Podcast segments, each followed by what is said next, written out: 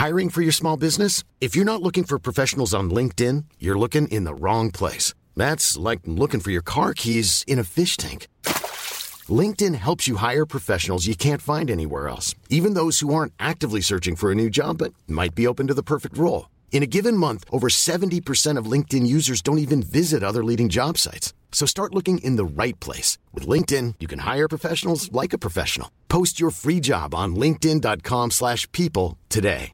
Hey, I'm Ryan Reynolds. Recently, I asked Mint Mobile's legal team if big wireless companies are allowed to raise prices due to inflation. They said yes. And then when I asked if raising prices technically violates those onerous two-year contracts, they said, what the f*** are you talking about, you insane Hollywood ass?" So to recap, we're cutting the price of Mint Unlimited from $30 a month to just $15 a month. Give it a try at mintmobile.com slash switch. $45 upfront for three months plus taxes and fees. Promo rate for new customers for limited time. Unlimited more than 40 gigabytes per month. Slows. Full terms at mintmobile.com. Millions of people have lost weight with personalized plans from Noom, like Evan, who can't stand salads and still lost 50 pounds. Salads, generally, for most people, are the easy button, right? For me, that wasn't an option. I never really was a salad guy. That's just not who I am. But Noom worked for me. Get your personalized plan today at Noom.com. Real Noom user compensated to provide their story. In four weeks, the typical Noom user can expect to lose one to two pounds per week. Individual results may vary. Helt siden de første menneskene slo seg ned i Trøndelag, har det blitt observert underlige lys over Hessdalen. Fenomenet har blitt forsøkt bortforklart som syner sett av bygdetullinger og deliriske hallusinasjoner forårsaket av den lokale drikkekulturen. Men det skulle vise seg at fenomenet stakk langt dypere, når Hessdalen-fenomenet fikk verdensomspennende oppmerksomhet i ufo-miljøet på 1980-tallet. Fenomenet er fremdeles der, og det er fremdeles like uforklarlig som den gang. I 2024 kommer en podkastserie i seks deler, produsert av Project Hessdalen, som kanskje en gang for alle skal finne svar på hva som rører seg på himmelen i denne bortgjemte dalen i Trøndelag. Serien har som seg hør og bør fått tittelen A Blaze in the Northern Sky, og den kommer til din favorittpodkastavspiller i 2024.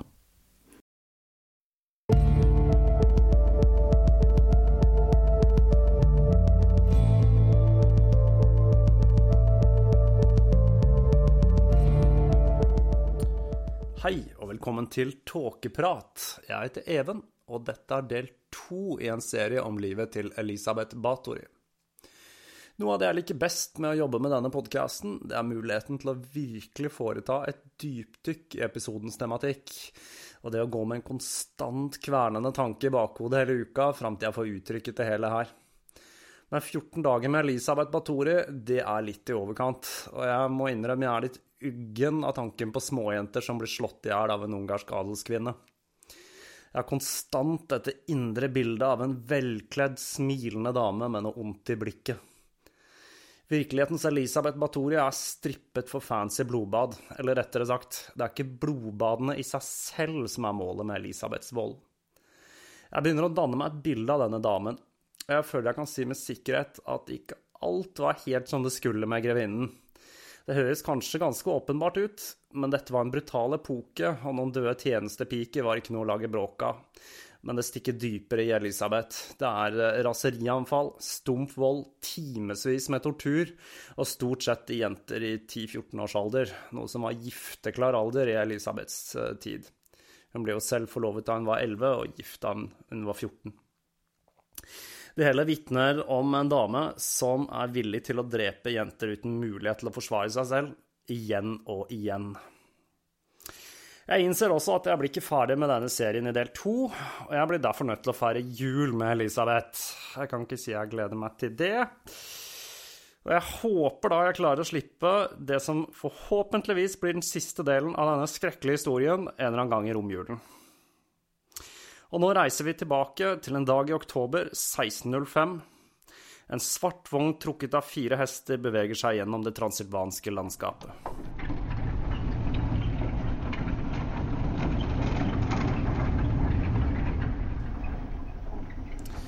Katarina følte seg som verdens heldigste jente. Katarinas far hadde dødd i krigen, og hun var plutselig alene med sin mor og to eldre brødre. Men lykken hadde snudd seg. Katerinas mor hadde blitt betalt gode penger for at Katerina skulle tjenestegjøre som syerske, og ikke bare for hvem som helst, men for selveste enken Nadasti, hun som hadde vært gift med Den sorte ridder, som hadde kjempet sammen med hennes far i krigen. Og ikke bare det. Grevinnen selv hadde kjørt gjennom landsbyen og tatt henne med på vei tilbake til Chaktitze. Hun hadde fått streng beskjed om at hun ikke måtte si et ord så lenge hun satt i vognen med Elisabeth. I tillegg til Katerina og grevinnen var det tre andre tjenestepiker i vognen. De stirret tomt ned i gulvet uten å løfte blikket. Katerina hadde aldri kjørt i en sånn stor, flott, fin vogn før, med polstrede seter, og grevinnen, hun var akkurat så vakker som hun hadde forestilt seg. Men det var en lang vei til Tsjaktitse, og etter mange timer begynte Katerina å bli skrekkelig tørst. Det kunne da ikke skade å spørre om litt vann? Grevinnen så utover landskapet som gled forbi utenfor vognen. Det var senest, og en tynn hinne is hadde begynt å bre seg langs bredden på elven som rant ved siden av veien de kjørte på. Jeg er tørst, sa Katerina forsiktig. De tre andre tjenestepikene så på hverandre med flyktige blikk før de fortsatte å stirre ned i gulvet på vognen. Grevinnen rørte seg ikke. Katerina lurte på om hun hadde hørt henne. Grevinnen ringte i bjellen til vognmannen, og vognen stoppet. Er du tørst? spurte grevinnen og så på Katerina. Ja, veldig, jeg er ikke vant til å reise slik, frue, svarte jenta. Grevinnen kommanderte vognmannen til å åpne døren og steg ut av vognen. Idet hun steg ut, grep hun tak i håret til Katarina og rev henne ut. Slag og spark haglet mot kroppen hennes. Er du tørst? skrek grevinnen til jenta. Sjokk og vantro og en tåke av smerte bredde seg i Katarina. Hva hadde hun gjort galt? Grevinnen grep igjen tak i håret til jenta og dro henne ned mot elven. Hun begynte å rive klærne av jenta. Igjen regnet det med slag og spark. Noe brast. En intens smerte bredde seg gjennom kroppen hennes. Reis deg, befalte grevinnen. Katarina forsøkte, men noe traff henne av full kraft i magen, og hun datt over ende. Hore, jeg burde visst bedre enn å ta til meg løse hunder som deg, skrek grevinnen. Reis deg, Katarina forsøkte igjen. Kroppen hennes dirret av gråt og smerte. Frue, jeg, men hun ble avbrutt av en ørefik som fikk hodet hennes til å spinne, og hun så stjerner. Ut i vannet, du er tørst, ikke sant? sa grevinnen. Katarina så ut på det islagte vannet og tilbake på grevinnen mens hun hikstet. Men jeg vil fryse i hjel. Ut, skrek grevinnen og dyttet Katarina ut på den tynne isen som brast under vekten av jenta. Vannet rakk henne helt opp til skuldrene, og hun begynte å skjelve ukontrollert. Hva jeg har gjort galt, forsøkte hun å stotre, men det kom ingen annen lyd enn klapringen av tenner. Vognmann, ropte grevinnen, hent en bøtte, den nye jenta er tørst. Vognmannen kom over med en bøtte, og Elisabeth begynte å øse det iskalde vannet over jenta. Hun kjente ikke mer, og det siste hun så før mørket la seg, var en dansende flamme i Elisabeths øyne.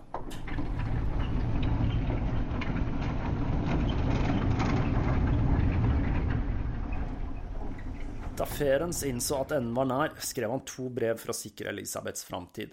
Den ungarske kongen og Habsburg-familien hadde nemlig lånt store summer av Ferens, og med hans død kom Elisabeth til å bli eier av hele familieformuen og et potensielt mål for de to adelsfamiliene. Det første brevet skrev han til Ferens Batiani, hans nærmeste venn fra slagmarken. I brevet ber han om at Ferenc skal fungere som en garantist for familiens fysiske sikkerhet i tilfelle angrep fra ottomanerne, fra kongen eller Habsburg-familien. Det andre brevet skrev han til Georgi Turso, de to hadde også blitt nære venner i krigen mot ottomanerne, men det lå en annen tanke bak. Georgi var nemlig en av de mektigste personene i Ungarn, og på denne måten ville han sikre seg sånn at Georgi ville føle vanære dersom han skulle forsøke å lure til seg noe av formuen fra Elisabeth. I begravelsen hans, som selvsagt var en typisk storstilt militæraffære, holdt Ishtavan Magiari, det var presten som to år tidligere hadde pekt ut Elisabeth i kirken, en tale der han lovpriser Ferenc og beskriver han som nærmest en helgen som ikke var til last for noen, og verken åt eller drakk for mye. Det var forventet at en nybakt enke skulle trekke seg tilbake fra samfunnet i minimum ett år for å sørge etter dødsfallet til sin mann. Men Elisabeth brøt tvert med denne tradisjonen, og kun fire uker etter begravelsen dro hun til Wien for å fullføre noen forretninger. Hun troppet også opp i kongens hoff i egen person, noe som rystet hele adelsstanden og visstnok sjokkerte selveste keiseren. Åtte uker etter dette, i september 1604, dro hun på shopping og brukte den svimlende summen 2942 gull og 11 dinarer. Til sammenligning var gjennomsnittlig årslønn for en høyere offiser eller en god doktor 150 sølv. I dag ville beløpet shoppet for, tilsvare flere titalls millioner norske kroner. I denne perioden fortsatte hun å gi penger til gode formål, som stipender osv. Det ble sagt at munkene som bodde ovenfor Elisabeths villa i Wien på denne tiden, ble så forstyrret av lyden av skrikende, torturerte jenter at de kastet gryter mot huset for å få slutt på bråket. Vi vet ikke med sikkerhet hva som trigger grevinnen etter feriens død, men det vi vet, er at den jevne strømmen av krigsbytte og lett omsettelige varer tok slutt. Elisabeths formue var i stor grad bundet til eiendom, og hun var nå i midten av 40-årene, og det var ikke vanlig å bli mange årene over 50. I ca. 1605 begynner grevinnen å omgi seg med et knippe nære tjenere bestående av fem personer. Anna Darvolja, Janos Uivari, som kun ble kalt Fisko, Ilona Jo, Dorothea Schentes og Katalin Beneski. Anna Darvolja var hun som skulle ha lært opp grevinnen i torturteknikker i Sarbar, og hun ble senere utpekt som mest sadistisk i banden. Um, hun var beleilig nok død da rettssaken begynte, og da beskyldningene mot henne kom. Fishko ble antageligvis kidnappet eller solgt til grevinnen i svært ung alder, og han ble beskrevet som ung og deformert. I denne sammenhengen kan vi gå ut ifra at ung betyr at han var tilbakestående, og eh, jeg forestiller meg Fisko litt som Brennan Brenn Dassey i 'Making a Murder'. Eh, krysset med Igor eller ringeren i Notre-Dame. Fisco Fisko adlydet grevinnen blindt, og igjen ser vi at grevinnen forbeholdt tortur for unge jenter. For til tross for at han svært ofte havnet i slåsskamper og skrøt av drapene han har vært med på, ble han aldri straffet av Elisabeth. Ilona Jo, som nevnt tidligere, var barnepiken til Elisabeths barn. Ilona Jo skal ha utmerket seg som en av de mest aktive deltakerne i torturen, og særdeles grusom. Og det skal være derfor grevinnen tok henne med seg da hun flyttet fra Sarbar til Tsjaktitse. Dorothea Schentes, også kjent som Dorka, skal bli lokket til Tsjaktitse av Ilona med løfte om at hun skulle få bli en del av staben til Elisabeths datter. Den siste medsammensvorne, Katalin Beneski, jobbet i grevinnens vaskeri.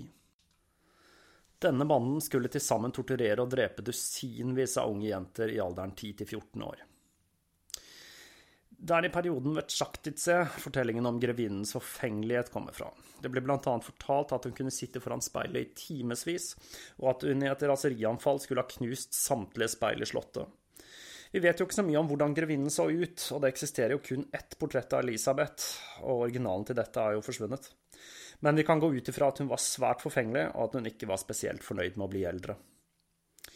Ilona Jo uttalte at Elisabeth slo og torturerte jentene så kraftig at klærne deres ble gjennomtrukket av blod, slik at hun ofte måtte skifte klær etterpå. Hvis det var Dorka som slo, sto Elisabeth og så på og kommanderte jentene til å bli kledd nakne og bli slått og pisket så hardt at man kunne øse opp blod fra gulvet. Elisabeth skal også ha spist av jentene i sine raserianfall, og en gang da hun var sengeliggende, skal hun ha forlangt å få en av jentene brakt til seg, slik at hun kunne bite henne i ansiktet og i skuldrene. Det fortelles også at jentene skal ha fått revet ut stykker med kjøtt som det ble tvunget til å spise. I løpet av disse årene reiste Elisabeth ofte til hoffet for å innkassere gjelden kongen skyldte Batori-familien, men hun ble alltid sendt tomhendt hjem med fagre løfter om at gjelden snart skulle innfris. Elisabeth begynte derfor å selge verdigjenstander fra de forskjellige eiendommene. Det sto ikke på gjenstander å selge, men kjøpere var det verre med. Hun hadde et par kjøpmenn som kunne håndtere mindre gjenstander. Hey, I'm Ryan Reynolds. Recently, I asked Mint Mobile's legal team if big wireless companies are allowed to raise prices due to inflation. They said yes. And then when I asked if raising prices technically violates those onerous two-year contracts, they said, "What the f*** are you talking about? You insane Hollywood ass." So to recap, we're cutting the price of Mint Unlimited from $30 a month to just $15 a month. Give it a try at mintmobile.com slash switch. $45 upfront for three months plus taxes and fees. Promo rate for new customers for limited time. Unlimited more than 40 gigabytes per month. Slows. Full terms at mintmobile.com. Hey, it's Ryan Reynolds, and I'm here with Keith, co-star of my upcoming film, If, only in theaters May 17th. Do you want to tell people the big news? All right, I'll do. Sign up now and you'll get unlimited for $15 a month in six months of Paramount Plus Essential Plan on us. Mintmobile.com slash switch. Upfront payment of $45 equivalent to $15 per month. Unlimited over 40 gigabytes per month. Face lower speeds. Videos at 480p. Active Mint customers by 531.24 get six months of Paramount Plus Essential Plan. Auto renews after six months. Offer ends May 31st, 2024. Separate Paramount Plus registration required. Terms and conditions apply if rated PG. Så i 1607 så ser hun seg nødt til å selge slottet Theben til kongen, som da ironisk nok ikke hadde innfridd gjelden til Batori-familien, og i 1610 selger hun slottet Bekkov. Elisabeth skulle få seg enda et slag i ansiktet da hennes bror Ishtavan Batori dør i 1605. På vei hjem fra begravelsen får hun med seg følge av unge jenter. De blir så kraftig torturert på turen tilbake til Eshed at de senere dør av skadene. Det var også en adelig jente med på denne turen. Hun ble også torturert, drept og gravlagt på veien.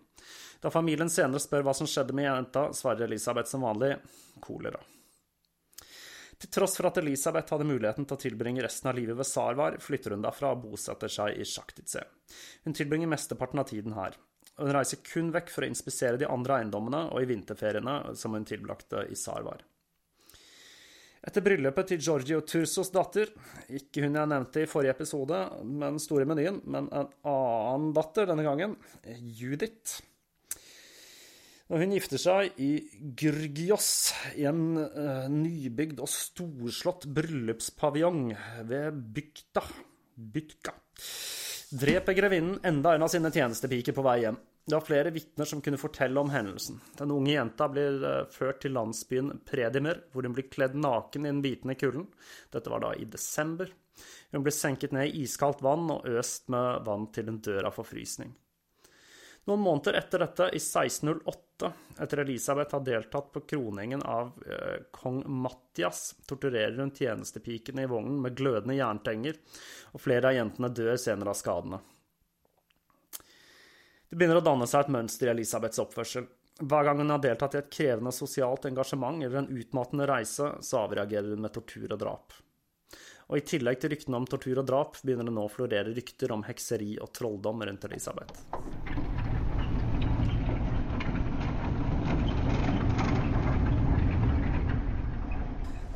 Et av de viktigste vitnene i rettssaken var Benedict Deso, Elisabeths hovmester som hadde ansvaret for den mannlige staben.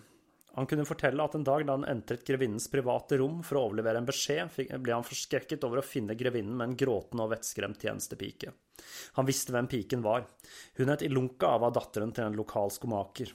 Forlegen over å ha forstyrret grevinnen snudde han i døra og skulle til å forlate rommet, da grevinnen sa, Ikke gå, Benedikt, jeg vil du skal se på dette. Denne piken, sa grevinnen, trenger å lære disiplin. Elisabeth begynner å rive klærne av jenta til hun var helt naken. Jenta skrek og gråt. Grevinnen fant fram en dolk. Hun er så klønete med hendene, sier Elisabeth. Hun kan ikke gjøre noe riktig. Grevinnen tok først den uh, høyre hånda og stakk dolken inn i hver enkelt finger. Én etter én. Hun kan ikke bruke fingrene skikkelig. Mens jenta fortsatte å skrike og gråte, fortsatte grevinnen å stikke hver enkelt finger hardere og hardere. Kanskje dette kan hjelpe deg å bruke fingrene skikkelig. Jenta falt hylende over ende på gulvet og holdt rundt seg med blødende hender. Grevinnen kikket bort på Deso. Kanskje det ikke er fingrene det er noe galt med? Kanskje det er armene, sa hun og studerte den hiksende jenta. Hun grep jenta i håret og begynte å kutte armene opp på langs, i lange kutt så blodet rant i strie strømmer.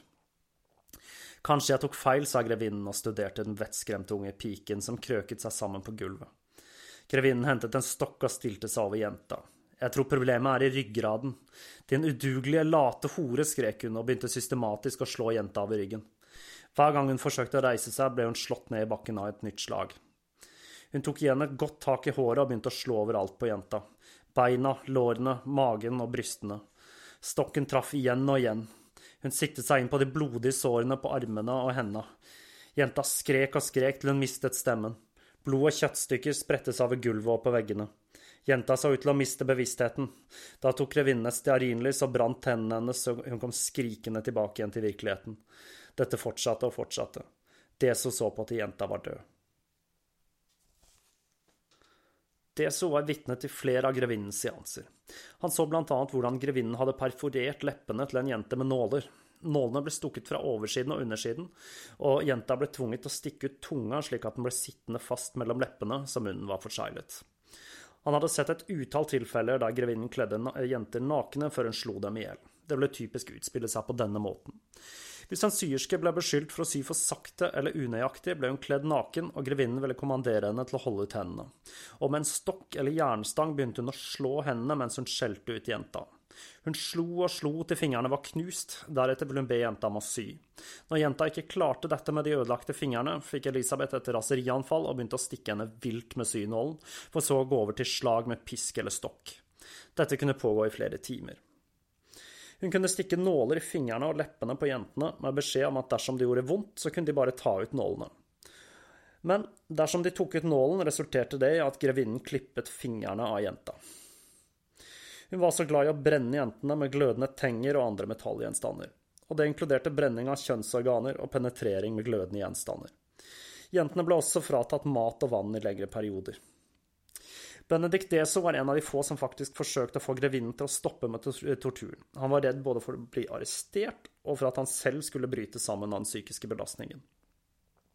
Som jeg nevnte i forrige episode, så var dette en relativt trygg periode for såkalte kloke koner. Men det betydde ikke at du ikke ville bli druknet eller brent dersom det opparbeidet seg nok rykter om at du utførte svart magi, altså magi med det mål å skade andre.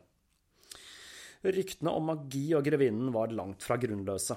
Elisabeth var en utøver av magi, og hun fikk hjelp av to såkalte skoghekser, også kjent som kloke koner, ved navn Ersi Majorova og Turkos, også kjent som Turko. Hun lærte flere formularer av disse to, eh, veldig typiske klassiske svartebok-greier, som for eksempel ta en svart katt eller en høne, slå den i hjel med en hvit stokk, ta vare på blodet og smør dette på dine fiender. Reneste Santoria, dette her. Men det aller mest interessante når det gjelder Elisabeth og magi, er det jeg har valgt å kalle for den grå kringla. Elisabeth hadde nemlig fått laget, eller fått laget til seg av noen andre, litt usikker på hvordan det oppsto, en flettet grå kringle. Og vi kan lese litt om hva denne er laget av. Den er bl.a. laget med det gamle badevannet til Elisabeth og noen hemmelige ingredienser. Det er rett og slett et stort, grått bakverk. Og i midten av denne kringla var det plassert en nattverdsoblat og et speil. Dette er da i praksis en seastone. Akkurat som Rudolf Steiner kommer til å bruke senere, og som jeg har snakket en del om tidligere. Eh, det Elisabeth brukte denne her til, det var derimot å kaste forbannelser og velsignelser. Hun hadde et formular hun brukte, som eh, Nå bruker jeg Turso som eksempel i navnet et eh, formular eller et mantra, om du vil, som gikk noe sånt som eh, Vis meg Turso, så jeg ikke kan bli sett av deg, og du ikke kan volde meg skade. Og dette fortsatte hun da å si mens hun stirret inn i speilet på Kringla i opptil to timer om gangen. Vi vet at Elisabeths nærmeste stab utførte mye av torturen ved sjakktidssted. Og det er uklart hvor mye som ble utført av hver enkelt, og hvor mye grevinnen sto for. Um, det fortelles om en seanse der Katarin Benski ble utmattet av å slå en tjenestepike. Og Dorothea og Ilona Jo står og ser på og heier på henne og forsøker å motivere henne til å fullføre jobben. Elisabeth skal da ha tatt en stokk på tykkelse med et armlene og fullført jobben for henne så effektivt at hun måtte skifte klær etterpå, da de var gjennomtrukket av blod. Fishko skal ha blitt beordret til å slå jentene i ansiktet igjen og igjen, og låse dem inn i kullkjelleren, hvor de skal bli sperret inne uten mat i over en uke. Det meste av torturen ble utført i vaskerommet og på kjøkkenet, da disse rommene var enkle å rengjøre. Og dette er stikk i strid med den tradisjonelle fremstillingen av Elisabeth. Det er, blodet hun er ute etter. Det er ikke blodet, men selve drapsprosessen som driver Elisabeth. I oktober 1610, når Elisabeths datter Anna besøker Chaktise, ble hele den kvinnelige staben sendt ovenpå med beskjed om å bli der. Det virket som om grevinnen kun ønsket å bare få de ut av syne, ut av sinn. Eh, men Dorothea Schentes hun eh, bestemmer seg for at her har muligheten til å finne på noe artig. Hun holder dem nemlig fanget og de som ikke innfant seg med det, de ble dynket i vann og tvunget til å stå nakne utover natta. Skjentes sultet dem, og når de mannlige tjenerne oppdager dette, forsøker de å smugle inn mat. Det setter Skjentes en uh, stopper for. Noen dager senere, da Elisabeth og datteren skulle ta en tur til spa i Piestani, sender grevinnen Katalin Benski for å hente en av jentene. Katalin var den mildeste i grevinnens nærmeste stab, og nektet flere ganger å delta i torturen. Det førte til at hun selv ved flere anledninger fikk smake den andre enden av kjepen. En dag ble hun så alvorlig slått at hun var sengeliggende i en måned etterpå. og hun fikk ofte jobben med å grave ned likene og finne nye jenter til grevinnen. Det er også blitt sagt at hun smuglet mat til jentene som ble sultet. Da Katalin skulle hente en av jentene, ble hun møtt av et grusomt syn. Alle tjenestepikene var utsultet, for, forslått og forfryst, og hun kom tilbake med, til grevinnen med beskjed om at ingen var i stand til å bli med på reisen til Pierstani.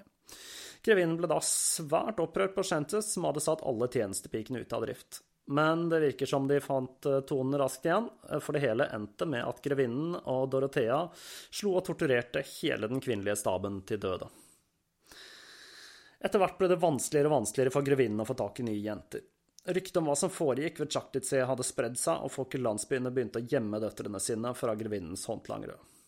Grevinnen måtte noen ganger reise så langt som til Wien og tilby både ekteskap og høye lønninger for å lokke til seg nye piker. Men i 1609 får en av hennes nærmeste en god idé, og Elisabeth starter sitt gynekaum.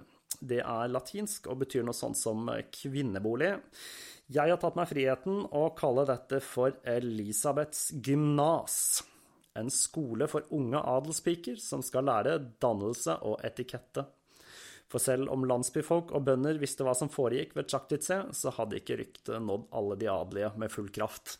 Enda. Jeg kan vanskelig forestille meg en verre utdannelsesinstitusjon enn Elisabeth Batoris gymnas for unge piker. Ehm, jeg vet ikke hva dere tenker, men jeg tviler på at det blir mye fysiognomisk pedagogikk og eurytmi på timeplanen der i gården. Og da har vi forlater grevinnen for denne gang. Så fram til neste episode så er det bare å si ha det bra!